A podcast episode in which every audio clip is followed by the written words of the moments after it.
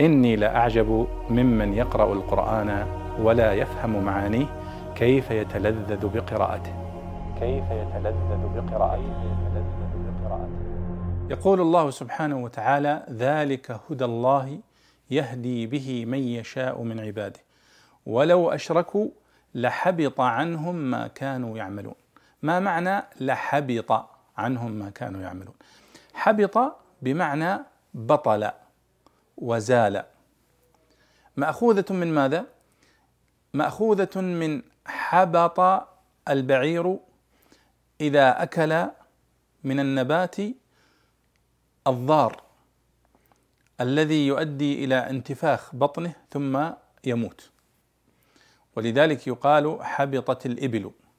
إذا أكلت من هذا المرعى الوخيم ثم انتفخت بطونها وكان ذلك سببا في هلاكها. فسمي الذي يشرك بالله سبحانه وتعالى أنه يعمل ويظن أنه قد أحسن ثم يحبط الله عمله. فيهلك ويبطل هذا العمل الذي عمله لأنه كان لغير الله سبحانه وتعالى كان مشركا بالله سبحانه وتعالى. ولذلك قال الله في آية أخرى وقدمنا إلى ما عملوا من عمل فجعلناه هباء منثورا.